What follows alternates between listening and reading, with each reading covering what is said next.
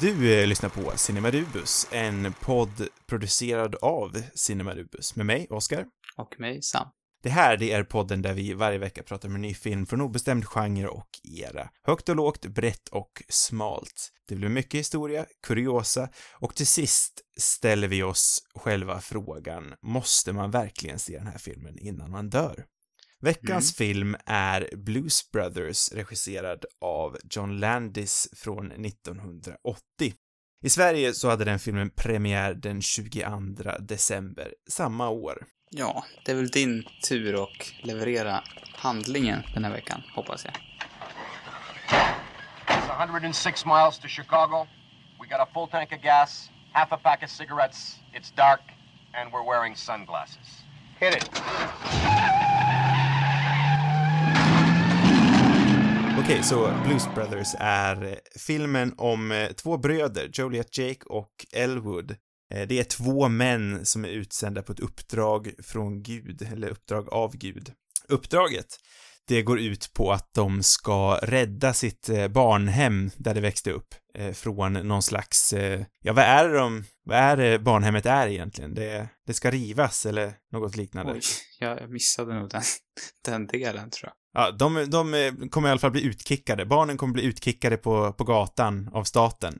Uppdraget från, eh, som de har blivit, som, som de har blivit givna från Gud, är då alltså att eh, det ska rädda det här barnhemmet. Och eh, hur de gör det, det är via en, en välgörenhetskonsert som de sätter upp med hjälp av sitt band, The Blues Brothers. Egentligen så handlar ju hela filmen om att de samlar ihop det här bandet. Det är ju en lite plottlös film, Mm. eh, men allt som allt så är väl det där ungefär det som händer. Eh, längs med vägen så stöter de ju även på en drös superhärliga och superkända blues, rhythm and blues och eh, soul-aktiga artister. Eh, vi kommer ju antagligen komma in lite mer på det längre in i avsnittet, vilka de här artisterna är. Det tvivlar jag inte en sekund på.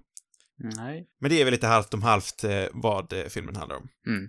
Eh, jag skulle väl egentligen nästan vilja börja med att säga något som jag har tänkt på, som jag, jag har ju sett den här filmen förr och det jag har tänkt på det här varenda gång att jag gillar inte den här filmen när jag ser den, men när jag inte ser den så älskar jag den här filmen. Jag tycker den är ett svinhärlig koncept. Och eh, veckan som har gått nu efter jag såg den har jag liksom tänkt hela tiden att fan, Blues Brothers, härlig film, bra rulle, bra musik, men när jag ser den, uff, vad den är långtråkig. Ja, den är ju... Jag har ju inte sett den tidigare. Och eh, jag, kan, jag kan väl bara instämma. Det känns som att utan, utan den här musiken liksom, då, då skulle det inte vara mycket att ha. Tyvärr. Men, eh, men eh, med musiken så, det är ju ändå det man tar med sig tror jag. Och eh, det, det är det man lyssnar på efteråt. Då, då är det ju en riktigt toppenrulle. Så, jag kan känna att det här är en film som jag typ vill gå in och klippa om. För jag, jag känner att den är 40 till 45 minuter för lång, om inte mer. Mm. Första, egentligen efter en timme så kickar den igång rätt, rätt okej. Jag gillar sista timmen. Alltså den har vissa bitar tycker jag som är riktigt bra. Men om jag får säga någonting kontroversiellt så skulle jag vilja recasta de två huvudrollerna. Jag tycker inte någon av dem är speciellt bra. Jag tycker inte det är vidare kontroversiellt allt, alls egentligen. Jag hade ju nästan tänkt förbereda mig på att häda lite och säga att jag tycker att eh, John Belushi är eh, lite smått överskattad. Ja, det kanske är för att han gick bort så kort efter så ingen vågar säga något annat. Mm. Och det kommer väl också komma, eller det kanske vi kan börja, jag vet inte var du ska börja någonstans, men, men den, den här filmen grundar sig väl på en, en SNL-sketch, Saturday Night Live, om jag har förstått det rätt. Ja, precis. Det här är ju en i, den första i en längd filmer baserade på Saturday Night Live-sketcher. Det här Ja. är väl inte riktigt en sketch, utan det här är ju mer en musikakt som de Mm, eh, byggde upp genom eh, de första säsongernas gång. För både Mm. John Belushi och eh, Dan Aykroyd då, som är den andra huvudkaraktären, de är ju två originalmedlemmar i den legendariska, i det legendariska sketchprogrammet som har gått från 1975 ända upp till nu. Ja, men det jag skulle komma in på var bara att hade man kunnat, om man hade plockat någon annan från det här originalgänget så hade man ju, eller jag vet inte, var Eddie Murphy med i originaluppsättningen? Nej, Kanske det var han inte. Han kom senare. Men, men Chevy Chase var med i original, eller? Nej, Precis. inte eh, originaluppsättningen, de kallade ju sig själva för The Not eh, Ready for Prime Time Players. Mm. Eh, och medlemmarna var ju Dan Aykroyd, John Belushi, Chevy Chase, Jane Curtin, Garrett Morris, Lorraine Newman och Gilda Radner. Mm. Eh, alla mer eller mindre fortfarande rätt kända. Det känns som att vissa av de där har liksom försvunnit. Eller jag är inte så bekant med någon, eller alltså jag känner ju, alltså Ackroyd har jag ju koll på och Chevy Chase klart, men de andra är lite så här, jag vet inte, jag tror lite att de inte har, de kanske har varit med i någon jättekänd film, men, men Ackroyd och Chase har ju sina liksom superhittar Mm. som gör, och Chevy Chase har i och för sig varit aktuell på senare år också med Community till exempel, men, men de har liksom sina superhitfilmer som gör att de kanske har levt längre. De andra är inte jag så jättebekant med egentligen. Nej, Jane Curtin är väl en frekvent så här, tv-skådis. Hon har varit med jättemycket. Third Rock from, from the Sun var ju en serie som hon var med i. Mm. Eh, Lorraine Newman är väldigt eh, välarbetande röstskådespelare. Hon jobbar otroligt mycket där. Gilda Radner dog ju tidigt. Hade hon levt eh, precis som John Belushi så hade hon nog också nått legendstatus idag. Ja. Eh, Den Jo. som eh, liksom har fått eh, den sämsta lotten av det här gänget är ju nog nästan Garrett Morris. Mm. Jag vet inte vem det är ens.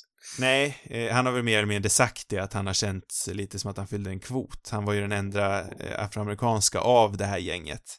Och det var ju ofta de rollerna han liksom fick fylla där. Eh, och tyvärr så är det väl antagligen även därför han, har, han inte har nått samma, samma höjder som de andra har fått. Med tanke på hur, eh, hur sällsynt det ändå har varit för afroamerikanska eh, skådespelare att nå liksom de här riktigt stora liksom blockbusterfilmerna. Där kommer vi in på Eddie Murphy. Som man, om man så här, i efterhand hade fått recasta den här filmen så hade man ju gärna sett han i en av huvudrollerna. För han har ju, en, enligt mig i alla fall, en helt annan typ av karisma än, någon av dem, de här två.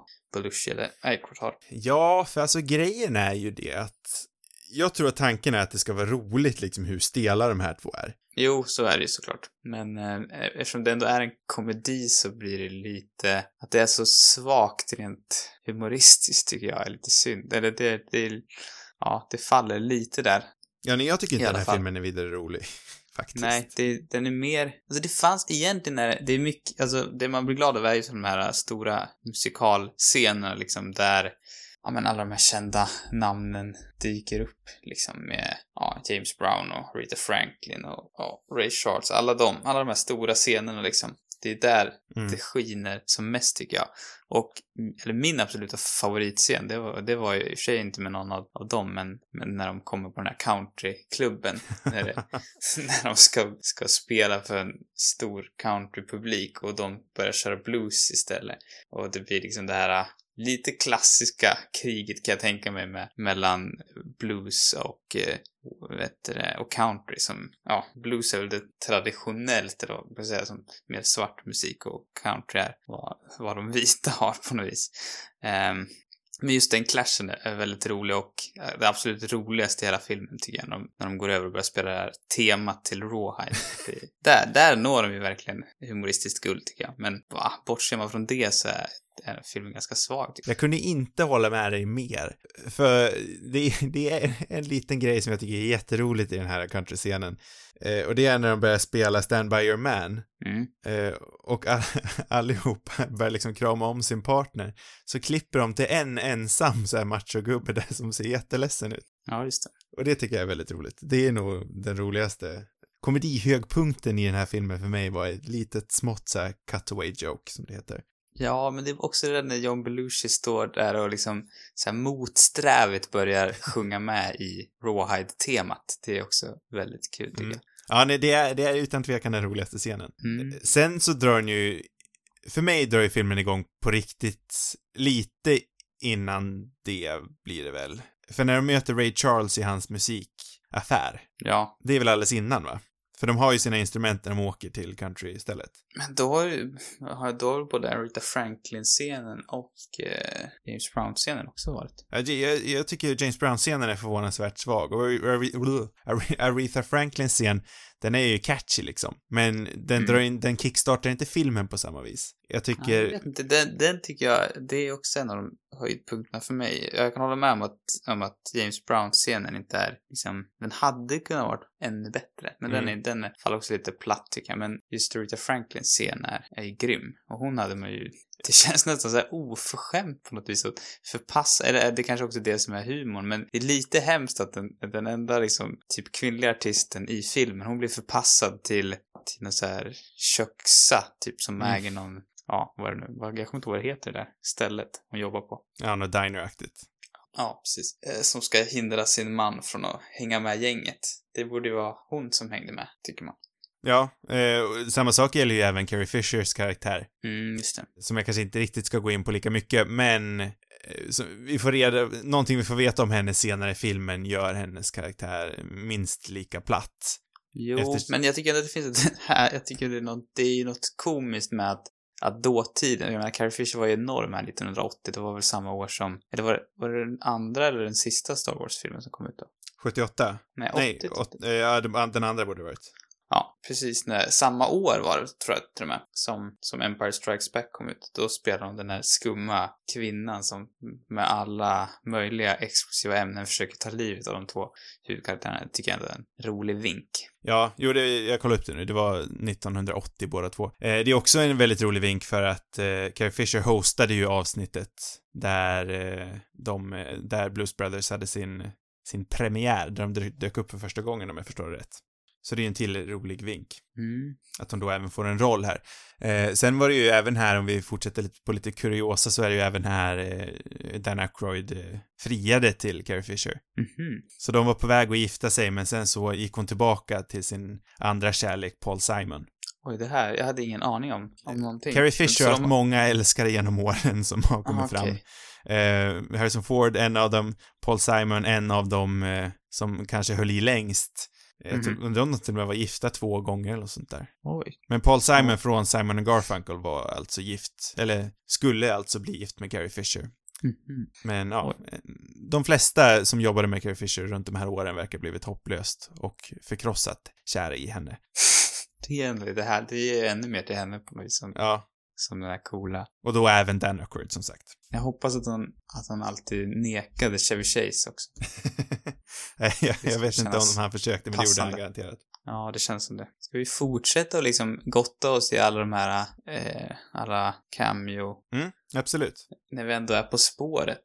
Jag vet inte, Mm. för sig, det är inte så mycket att säga. Alltså det är mer, det blir mest något, kanske ett uppradande av, av, eh, av, av personer. Men det känns som vissa, åtminstone typ Cab Calloway som spelar den här, eh, ja vad är han för någonting egentligen? Ja, han är ju någon slags fadersfigur till dem på det här barnhemmet. Ja, exakt. Och han är ju en otroligt klassisk jazzsångare som, som om man ska återkoppla till ett gammalt avsnitt, eh, var på The Cotton Club Precis. rätt mycket. Det är alltid lika kul att koppla tillbaka, för oftast finns det någon slags koppling mellan alla filmer. Och det är alltid Ja, lite roligt att precis. hitta dem. Och här är det Ja. Cab Calloway. Exakt. Så han har ju, han har ju verkligen en grym scen där när, de kör hans kanske mest klassiska låt någonsin. Vad, är, vad heter den? för? Minnie the Moocher. Ja, precis.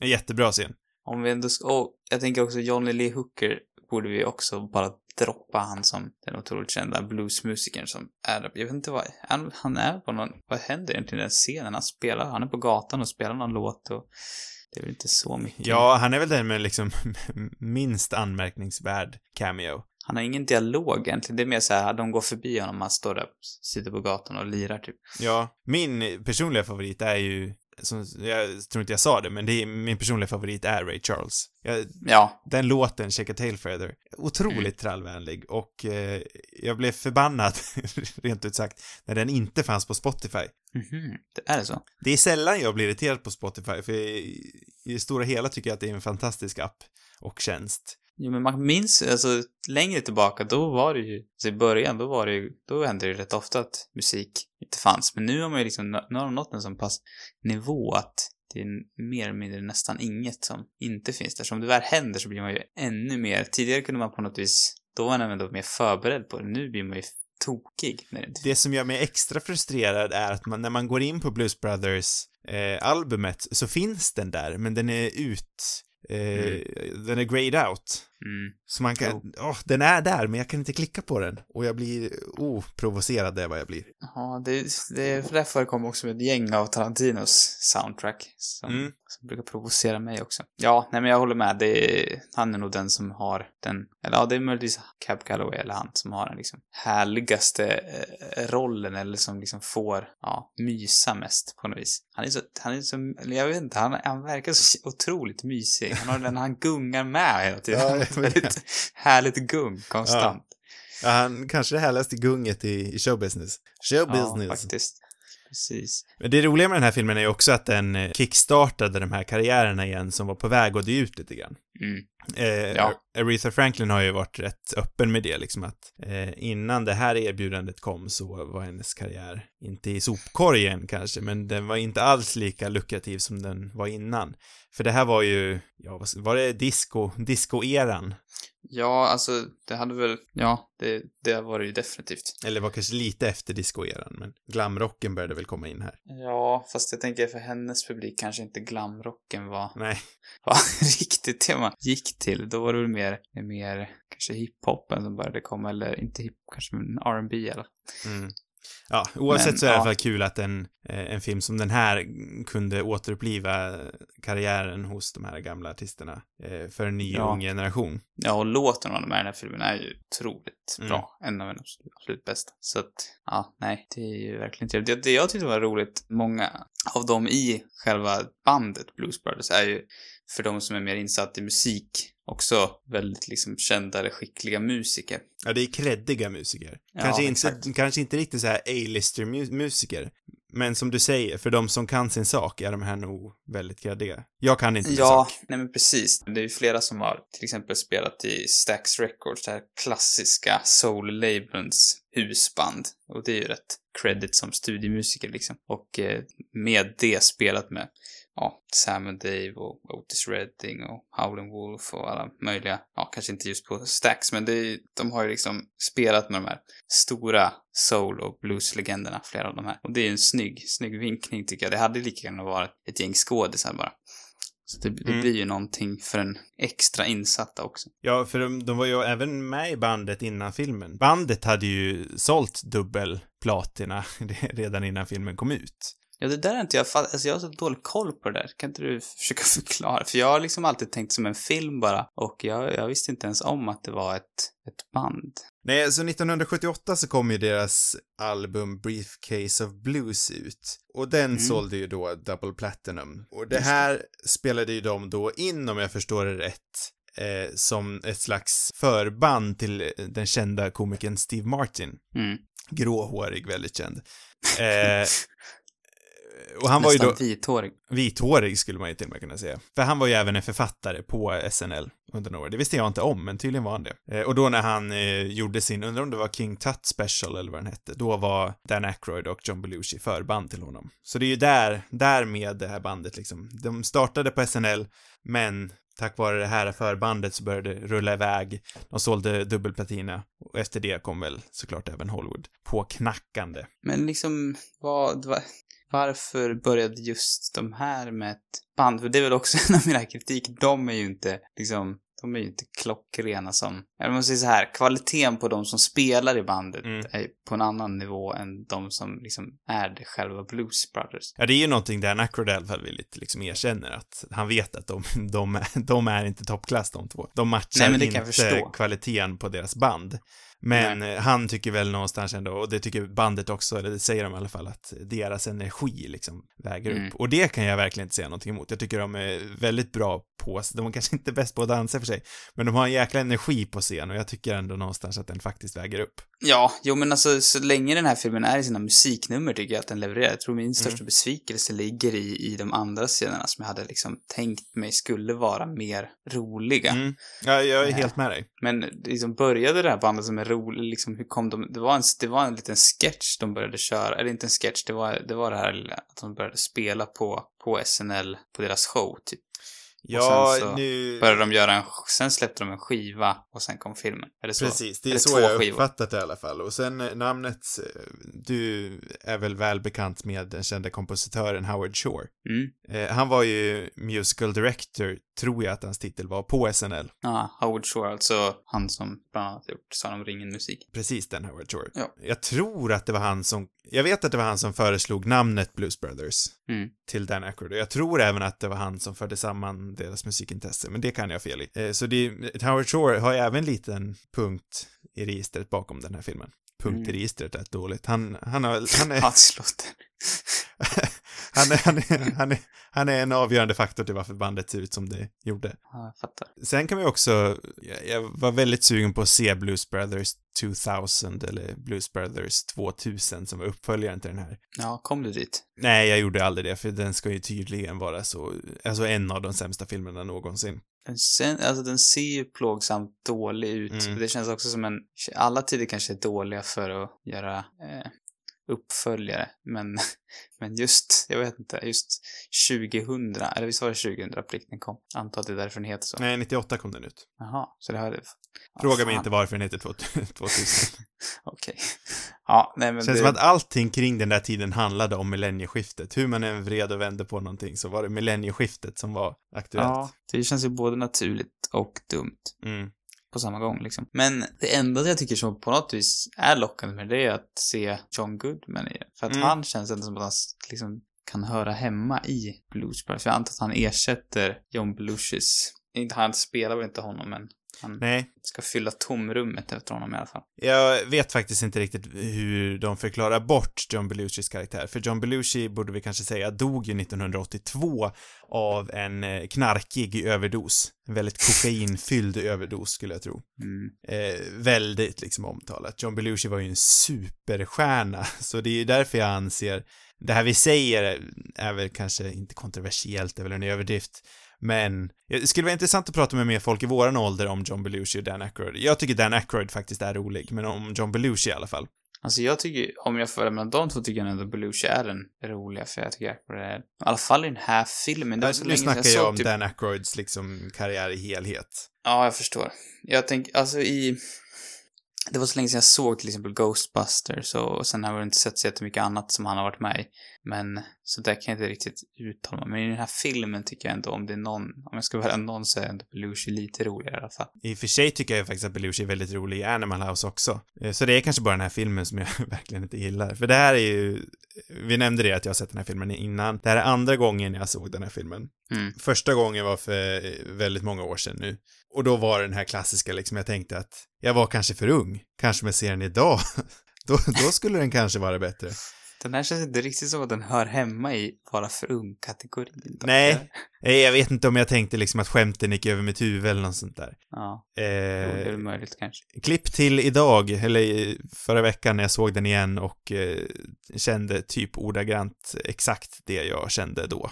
Mm. Det kvittar hur gammal jag är. Den här filmen, ja, den är otroligt långsam, inte vidare rolig, slarvig. Ah, men alla de här punkterna tror jag av någon anledning är en del av skämtet också. Det känns som att den är allt det här med flit. Och jag tycker inte att det är roligt. Nej, jag vet inte vad, vad man ska tro. Jag gillar ju den typen av enkla filmer som inte har speciellt mycket handling, men, men det är som sagt svårt att se den här filmen utan alla, liksom, cameo appearances hela tiden. Och jag tycker ändå på något vis att filmen borde kunna stå utan dem också, eller då skulle liksom helheten vara bättre tror jag. Eh, Det- Sen det blir ju liksom, det slutar ju också i någon sorts, eh, ja, alltså galen actionfilm. Menar, sista halvtimmen är ju, eh, och det där också, för det, för det har vi inte nämnt tidigare, men den här filmen var ju otroligt dyr när den gjordes. Mm. Eh, och absolut, för att vara liksom en, en komedi så är, är det så absurt. Men man kan ju verkligen se det i, i sista halvtimmen med alla bil, alltså det det är liksom, och där finns, det finns ju en sorts humor i, men det är ju liksom ab- absurda mängder polisbilar som krockar in i varandra. Filmat Och- i centrala Chicago dessutom. Ja, precis. Första filmen på väldigt länge också, om jag förstod det rätt, som faktiskt fick filma i Chicago på grund av att någon borgmästare eh, hade fått för sig att Chicago hade målats upp i dåligt ljus i någon gammal tv-serie eller något sånt där. Mm. Det är lite roligt för att, för att det är just från, från Chicago som den här, som den typen av eh, improvisativ, mm. säger man, improvisativ, Improvisationsteater. ja, ja, precis, den typen av komedi den kom ju, eller som inspirerade SNL, kom ju från Chicago, eller från Exakt. 50 och 60-talet Chicago. Så det är ju lite kul att, att den här filmen också är hemmet. Sen kanske det finns en koppling till, till, till blues och Chicago också som är Ja. stark. Det, det är inte Jo, men det gör i, Blues, Blues och Chicago hör hand i hand. Det här med Mm. blues och USA, det har ju liksom rötter. Det finns ju även sydstatsblues på något vis. Mm. Och Chicago blues är väldigt annorlunda. Jag tror Chicago blues är lite mer elektrisk om jag förstår det rätt. Men Vad som sagt, jag är har ingen liksom- musikexpert. Nej, då kanske min nästa, då kanske min fråga är inte, kanske inte du svarar på det, men jag tänker typ Howlin' Wolf. Är det, det känns spontant mer som syd. Inte syd. en aning. Ja, nej. Jag skulle kunna inviga en, en ny liten sån där, eh, eller segment och segment, men eh, blinkningen som, som jag kanske kan kalla det. Mm. det jag vet det här, och nu, bara för att liksom när jag ska börja, vi ska börja den här lilla programpunkten så ska jag göra det så pretentiöst som möjligt, tänker jag mig. Det gillar vi. Ja, det, det jag tycker det känns, min, det, och det, det känns också långsökt, men all, all den här typen av fysisk, eller fysisk komik i form av bilar som liksom kör över varandra och, och eh, poliser som kommer springande och skjuter ut i tomma intet, det känns ju som en uppenbar blinkning till Jean-Luc Godards Weekend. Det kan du väl hålla med om? Visst. det säger det ingenting.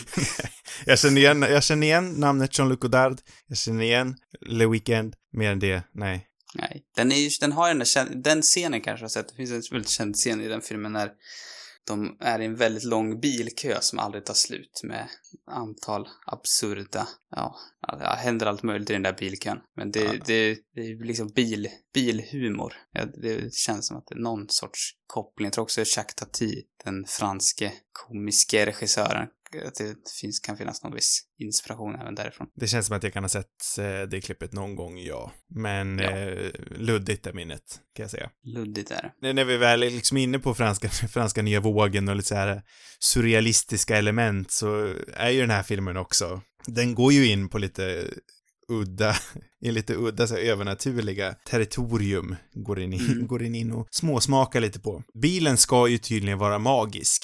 Ja, men just det. Det framgår Ja, det- aldrig riktigt i filmen. Men anledningen till varför den ska vara Eller? magisk ligger i en bortklippt scen där den parkeras under, under en, eh, någon slags tåg, eh, ja den parkeras i någon slags tågstation. Station. Ah, Så okej. att det är någon slags elektronik där och spänningen från tågövergången som förser bilen med magiska krafter. Man märker definitivt i filmen att den, att den är magisk i alla fall. Mm. Eller det är känslan. Det är något som inte riktigt stämmer. Men Ja, å andra sidan är det mycket annat som inte stämmer också. Tänker med den här uppenbarelsescenen i, i kyrkan med James Brown. Den typen av absurda inslag tycker jag faktiskt är lite av behållningen. Eh, Framförallt i, i den sista akten. Att det, att det är just den där typen av, ja, att, att alla de här polisbilarna som kör in, eh, liksom landar i en stor hög på varandra och Ja, nej, men, poliser som skjuter, liksom mängder av poliser bara skjuter sig genom dörrar och springer upp för trappor. Det, det är där, där det, det tycker jag ändå är, det finns någonting i. jag, jag håller med dig. jag tycker också att det är roligt. Jag gillar ju när, eh, jag Tänk om det gillar... hade varit Chevy Chase och Eddie Murphy istället bara som spelade huvudrollerna. Då hade det ju kunnat varit hur bra som helst. Jag vet inte vad liksom, Chevy Chase och blues känns inte riktigt som Nej, att det var det jag varandra. tänkte på. Och jag vet inte om Eddie Murphy är någon bluesgubbe direkt heller, men Ja, men han kan ju sjunga. han är ju charmen i alla fall och Ja, men sjunga. Eddie Murphy kan ju sjunga. Han sjöng väl i Dreamgirls, tror jag. Jo, det gjorde han. Ja, där, där ser du. Och Ja. Chevy Chase kan ju bara stå bredvid och nicka som man gör i Paul Simons kända musikvideo. Ja, just det. Ja, exakt. Absolut. Det har du en bra film. Mm. Den vill jag se. Nu, du har övertygat mig. Mm. Men eh, Strålande. första, första biljakt, biljaktscenen genom det här uh, köpcentret, Mm. den eh, tycker jag är helt överflödig. Ja, den är inte jätteskoj. Inte inspirerad. Alltså det... Det här kan väl vara ett sånt där fall där det var imponerande när den kom ut, för de hade ju liksom hittat ett övergivet mal, ett köpcentrum. Mm. Eh, som Aha, de då byggde upp igen, fyllde med människor och körde stuntbilar igenom. Och absolut, det är väl imponerande att de gjorde det liksom. Men enligt dagens standard så, eh, lite, lite trist. Ja, men det, det är mycket i den här filmen som inte liksom, man funderar, alltså man fattar ju inte hur, hur kunde de få budgeten, alltså till en komedi att göra alla de här liksom absurda grejerna. Eller det känns som att, det känns som att det inte var någon som höll koll på dem, att de bara fick gå loss liksom. Vad, vad gjorde att de fick en sån absurd, liksom, summa pengar för att göra den här filmen? Ja, det, Det, vet det tycker jag faktiskt inte. svårt För jag, att ja, fatta. ja, Jag förstår att de var liksom stora, att de kände att det här var en så här, ja, att de kunde satsa på de här, att det kunde bli enormt. Men de hade ju ändå kunnat gjort den här filmen för mycket mindre pengar, känns det som. Ja, för John Landis var ju inte heller liksom en bevisad stor regissör vid det här laget. Han hade ju gjort Animal House, som sagt. Jag vet inte hur mycket mer än det han hade gjort innan, men han var, det som han var ju... hit liksom. Och sen, Vad sa du? Ja, det var väl det som var den tidigare hitten han hade gjort. Annars hade man, var, är, finns det väl ingen riktig... Jag Nej, jag tror väl inte det. Och så- innan. Och producenten också, i, i den, in the grand scale av eh, SNL-filmer, så är det här, jag tror att det här är den enda som inte är producerad av Lorne Michaels, som är liksom the head honcho över SNL och har varit det i alla år. Han eh, fortfarande det. Han är fortfarande det. Det var några år på 80-talet då han inte var det, men annars har han kört på sedan 75. Okej. Ja, jo, Landis hade, hade gjort tre filmer innan den här. Det jag tänkte säga var att Lorne Michaels är inte heller producent på den här, så hans eh, liksom inflytande kunde ju inte heller bidra med så mycket pengar. Så antagligen hade det väl kanske att göra med att John Belushi och till viss del då även Dan Aykroyd var så pass stora stjärnor. För jag tror, vi har nästan svårt att förstå hur stor John Belushi var. Tydligen var han en superstjärna. Mm, jo, ja. Men det känns också lite som att typ barnvakten inte var med. Eller det var liksom... det, var, det var ingen som såg över. Men pengarna lär ju komma någonstans ifrån. Ja, jo. Jag vet inte. Det, det var någonstans det felade, det känns som. Ja, nej, jag, jag håller med dig. Jag eh, förstår inte riktigt heller. Vad har John Landis gjort eh, på senare år egentligen? Jag menar, han, Ja, han alltså, gjorde ju... nu pratar jag Eh. lite obefogat här, men som jag minns det, eh, så, jag vet att John Landis det kom ut en film på 90-talet någon gång, en Twilight Zone-film, som var en slags antologi med flera olika stora regissörer som regisserade sin, sitt eget segment i den här filmen då. Mm. Små korta historier i en, slags, en sorts samlingsfilm. Eh, och under John Landis del så lyckades ju två människor dö i en olycka. Ja, men just det. I någon helikopter. Ja, exakt. Och det... Vad är det det den heter, den filmen? Eh, Twilight Zone-filmen. Heter den bara så? Jag tror det. Eh, och jag tror aldrig riktigt att hans karriär tog sig förbi det steget. Från minne. Men det är så jag kommer ihåg det i alla fall. Mm. Men utöver det så har han ju också gjort American Werewolf in London. Eh, som sagt har han gjort Animal House. Så han har ju gjort grejer liksom. Ja, han har gjort Prins New York också. Mm. Han är ju en Den- komedilegend. Den är ju, den är ju mycket bättre tycker jag. Den var det länge sedan jag såg. Men den är också den här, den är också absurt storslagen på något Mm. vis. Ja, för annars var den senaste filmen han gjorde den här Burke and Hare som jag väl har sett ett bra tag faktiskt. Eh, Ah. 2010 med Sean Penn, med Sean Penn. Med eh, Simon Pegg Ah, och eh, Gollum, Andy Serkis. aha. Alltså han Jag har ju tror- också, hans kanske mest kreddiga genom alla år, eller kreddiga men han regisserade också Michael Jacksons thrillervideo. Exakt. Han jobbade rätt mycket med glömma. Michael Jackson. Eh, Ja, han gjorde andra också senare. Eh, kanske sen också en anledning till varför. Varför han inte fick. Tre Amigos har han gjort, alltså han har gjort jättemycket bra komedier. Ja. Eh, så det är inte det att han är slarvig direkt. Han är ju en bra regissör, så, och det är därför jag inte riktigt förstår varför den här känns slarvig. Men, Jag tycker nog inte att den känns slarvig. Eller för mig är den största bristen att jag tycker inte riktigt att huvudkaraktärerna som den här filmen lever så, så mycket på levererar. Och jag, jag vet inte om det riktigt är... I och för sig är det väl hans fel lite grann när, om, när de ändå var så pass stora de två. Den här ja, och John. Landis har ju också, han, han, Dan Aykroyd skrev ju förlagen, liksom, han skrev ett gigantiskt manus. Sen kom Mm. John Landis in och eh, rättade till det lite grann. Så han var ju ändå en del i manusförfattandet. Han är ju krediterad som eh, co, co-author. Mm. Men sen i, alltså i musik, jag tycker att den här filmen känns slarvig, och- men jag uppfattar också någonstans som att det är med flit, som att den ska vara lite så här tafatt och att det ska vara rolig. Men när den väl liksom kommer till de här musikalnumren, där är ju filmen verkligen, den kommer till liv där. Mm. Och John Landis tanke var ju liksom också att han ville göra flera olika sorters musiknummer. Han ville eh, göra den här liksom klassiska där man bryter ut i sång för att föra handlingen vidare. Men sen vill han också göra de här klassiska sång, sångnumren på scen. Mm. Eh, så e- egentligen vill han göra en klassisk eh, jukebox-musikal som det, ja, det kom, begreppet kommer väl från Broadway och teater, teatervärlden. Just det. Eh, och en jukebox-musikal, det är ju liksom en musikal med tagna, tagna låtar från andra ställen ihopslagna. Mamma Mia är ett Mm. bra exempel på en jukeboxmusikal. Det här är Mm. också ett rätt bra exempel på en jukeboxmusikal. Jukeboxmusikaler är ju i det stora hela inte så respekterad. Det. Nej, men det kan ju vara gjort bra också. Det är ändå där, i de segmenten som är bäst i filmen. Ja, nej, jag tycker, jag kan tycka att jukeboxmusikaler är rätt kul. Jag har ju sagt, jag sa ju det 2018 eller då, alltså Mamma Mia 2 var ju en av mina favoritfilmer det året. Det, jag Jag tycker det går den, så långt till och med. Favoritfilm. ja, det året, alltså jag Det, den det ska jag komma ihåg. Det var så Nej, ett dåligt jag år. står vid det. Jag tycker, jag tycker, jag har sett den igen. Jag tycker den är otroligt charmig. Eh, Ja. Men jag, jag också, just på grund av att jukeboxmusikaler har så dåligt rykte så har jag läst omkring lite om det här. Eh, Mycket grundar ju i liksom teaterscenen och mycket snobbigt eh, teaterskriveri har jag läst. Jag läste någon artikel i eh, New York Times eh, som heter Can Critics Learn to Love the Jukebox Musical, där de liksom utgick från den här något pretentiösa frågan. Why are the bad ones so bad? Why are the good ones better? And are there good ones? Frågetecken. Så de utgår liksom från att en jukeboxmusikal kan inte bli bättre än okej. Nej. Och jag, jag tycker de har fel. Jag tycker att en jukeboxmusikal faktiskt kan vara... Det, visst, det ligger mer skicklighet i att ha en musikal där liksom låtarna är skrivna för det här narrativet. De är skrivna för att liksom bygga upp momentum, föra handlingen vidare och berätta någonting om karaktärerna i låten. Det är ju omöjligt i en jukeboxmusikal. Eller omöjligt ska jag inte säga, men det är väldigt svårt att, få, att hitta liksom så pass många passande låtar som går in exakt i det här narrativet utan att få det att kännas påtvingat.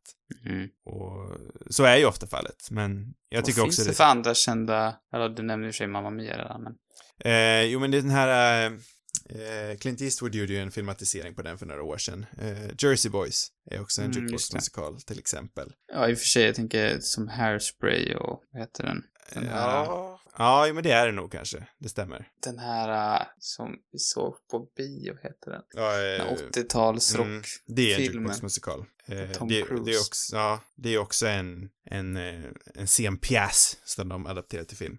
Rock of Ages, så heter den. Ja, exakt. Inte heller kanske jättebra, men den var lite smårolig som jag minns det. Ja, lite småhärlig så. Alltså det är ju, det är De är ofta småhärliga, absolut om det är bra låtar. Så kan man Ja, sammanfatta det det. Och här just är det ju det är ofta lite riktigt småtrevligt. bra låtar. Ja, och, och i Blues Brothers så är det ju superbra låtar, men det är också för få låtar. För första timmen är ju nästan bara James Brown, och han sjunger ju knappt. Mm. Ja, det är möjligt att det är för få. Men lite är också att, att den bygger bara på, ja, det kanske är det som är nackdelen då, att det är för få låtar den här filmen i sig endast bygger på, på musiken, eller liksom lever på att det är bra musik med. Ja, för jag tror att filmskaparna i sig hellre ser den här filmen som en musikal, kanske till och med över en komedi. Jo, men så känns det ju som att det är. Man får försöka se det som det också kanske. Mm. Man kan ju ändå fatta den, att den har blivit en sån stor grej och absolut att den var en så stor grej när den kom för att den, den är det är ju väldigt mycket en nostalgifilm Mm. ändå och den lyckas ju liksom koppla ihop både, ja men, du har både soul och klassisk blues och sen, ja, så den får ju in många olika delar av det hela och kanske på något sätt förflutna tiden också. Eller det finns liksom lite från lite alla möjliga hörn som den här filmen plockar upp. Så Mm. det, det är ju inte konstigt tycker jag att den, den blev en sån hit. Nej, för alltså det är ju bilder i den här filmen som man, i alla fall jag kände igen redan innan jag såg den. Jag vet inte hur du, hur stor, hur mycket du känt av Blues Brothers innan du såg filmen. Kanske framförallt artisterna och låtarna liksom. Ja, nej men ibland kan jag tänka att, att man går tillbaka till så gamla komedier och tänker att allihopa liksom känns lite, för humor och eh, komedi, ibland åldras det inte alltid så väl. Nej, men musik åldras ju alltid. Nej, precis, exakt, exakt. Men jag gick till exempel tillbaka och såg på Caddyshack i somras för första gången. Den tyckte jag faktiskt var väldigt rolig. Aha. Med din favorit Chevy Chase. Ja, den har, den har jag inte någon, någon koll på alls faktiskt. Den tycker jag faktiskt också en väldigt klassiker. Den tyckte jag faktiskt var väldigt rolig, så ja, jag vet inte riktigt. Stökig film det här. Men är inte att Chevy Chase är roligare också? Kanske, kanske. Jag tycker ju att, att Belushis brorsa är snäppet vassare jag får säga det själv. Nu kommer det få många, många tomater kastade på. jag skojar. Jag är ju lite uppväxt med, med Jim Belushi för att han hade ju det. Han var ju liksom med i den ultimata slötittar-tv-serien, alltså den hemskaste slötittar-tv-serien som gick på sexan. det var Jims värld. Jag, eh, precis som du dig, också ha sett. har jag också sett väldigt mycket Jims värld. Den är ju plågsamt dålig, eller bra, det på hur man vill se det. Ändå på något vis så håller han en, en, en, eh, en kär, ett kärt del i mitt hjärta. Ja, och det, han är ju, jag såg någon jättegammal intervju med, nej, det, nej, den var, nej, intervjun var inte gammal, men den handlade om, han, han blev frågad om, om sin bror och han, han nämnde det att han är ju, han var ju fem år yngre än, än John Belushi. Och han var ju liksom, han var ju så pass ung när, när John blev, var liksom en superstjärna, så han kände ju knappt sin bra, bror, sa han.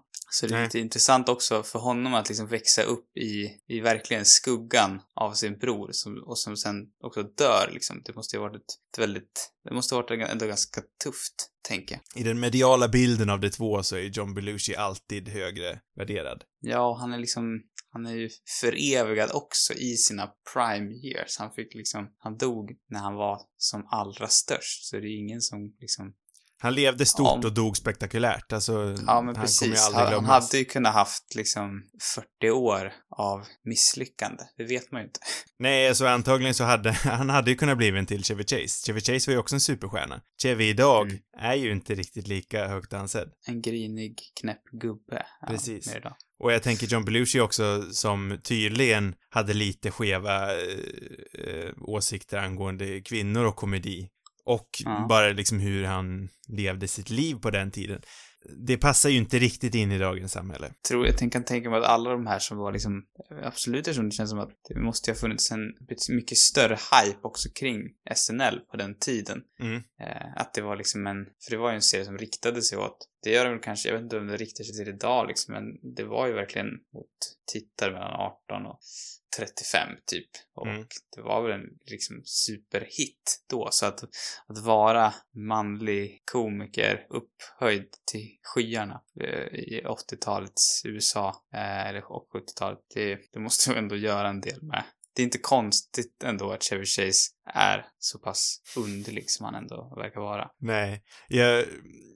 Det kanske kan bli min, jag hade faktiskt inte kommit på någon sån här besläktad rekommendation, men, men nu vill jag nästan rekommendera, jag såg någon, undrar om det var en intervjuserie eller om det bara var en lång intervju, men det var relativt ny, det var på YouTube, nu kommer jag inte ihåg vad det heter, men eh, eh det var en, en eh, intervjuare som åkte hem, en journalist som åkte hem till TV Chase och intervjuade honom om det här, om hur han ansågs liksom tjurig och att ingen tyckte om honom mer och det var så deprimerande. För Chevy, alltså han känns deppig verkligen att han inte är världens största stjärna mer. Han lever så otroligt mycket på att en gång då var jag liksom superhet, han var inte ens så het, men han ansågs vara rätt het. Mm. Eh, jättecharmig, största, en av de största skådespelarna i världen och nu får han knappt en roll.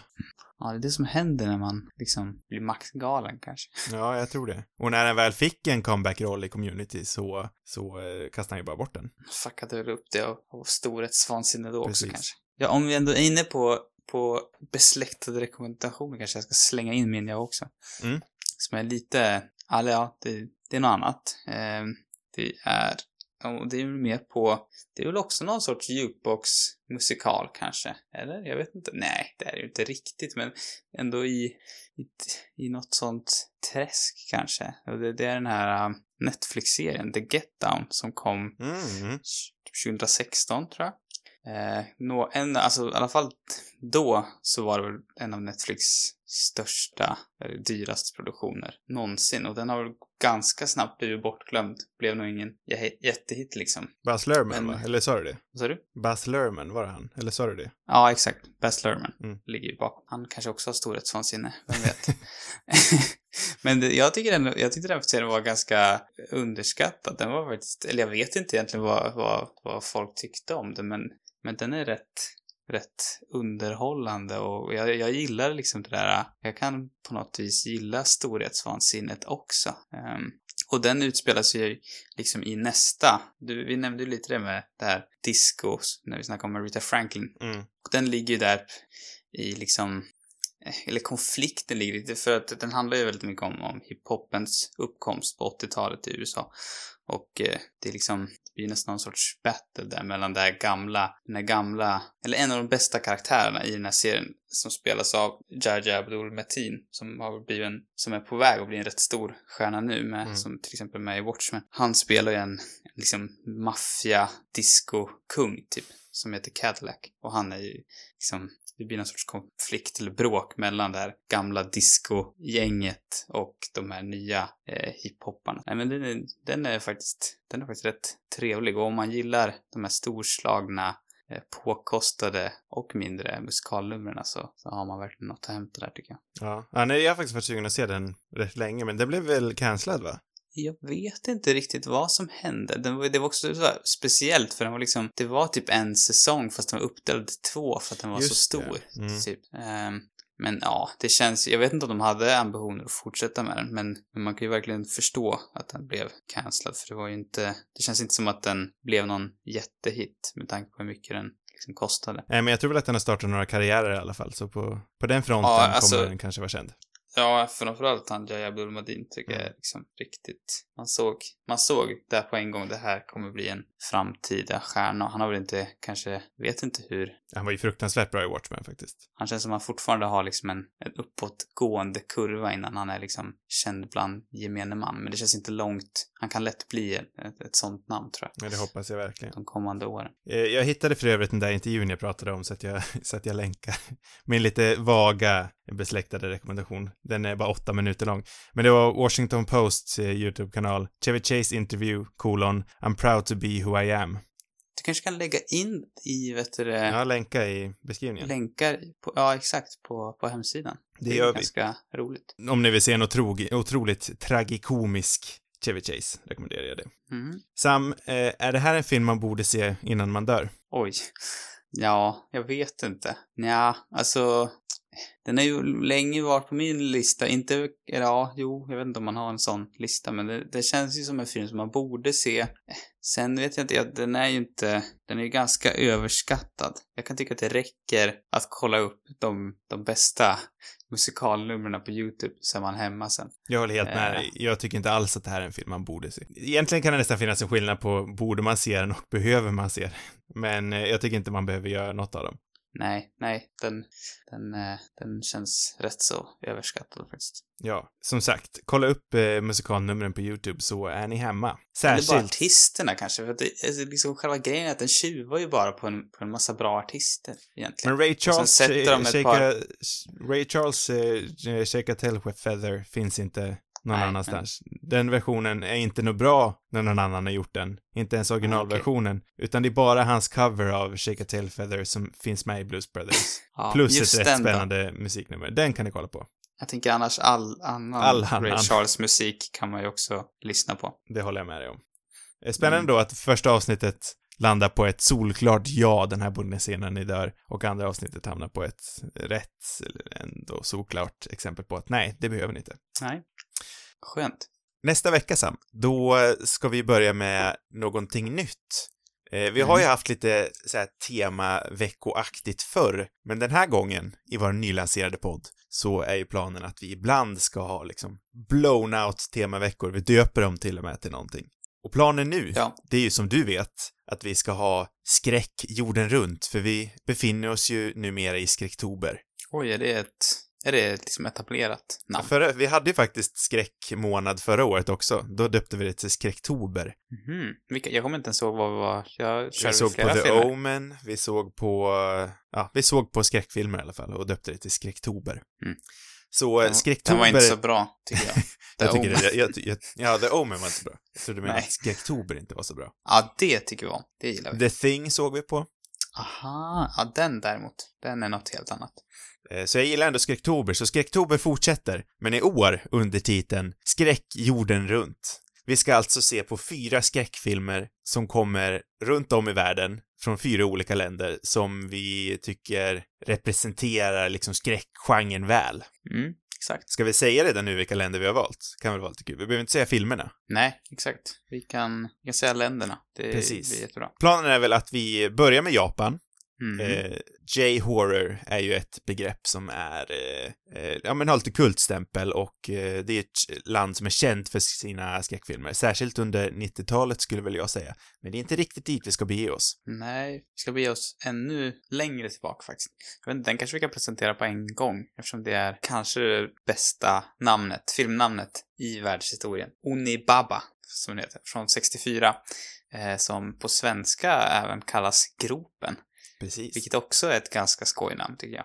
Men inte jag tycker ändå att Tony catchy. Baba, Ja, nej. det brukar ju oftast gå via de här eh, svenska titlarna. Men jag tycker nästan nu att Onibaba det låter bättre, så jag tror vi döper den till Onibaba. Och gropen, det är inte vidare SEO-vänligt heller, va? Nej, det... Nej. Den kommer försvinna. Det, det lämnar jag till dig. Den kommer försvinna, det kan jag säga. Onibaba, den kommer dyka upp. Ja. Från 1964. Så det är den vi ska se på till nästa vecka. Den finns att se på Cineasterna.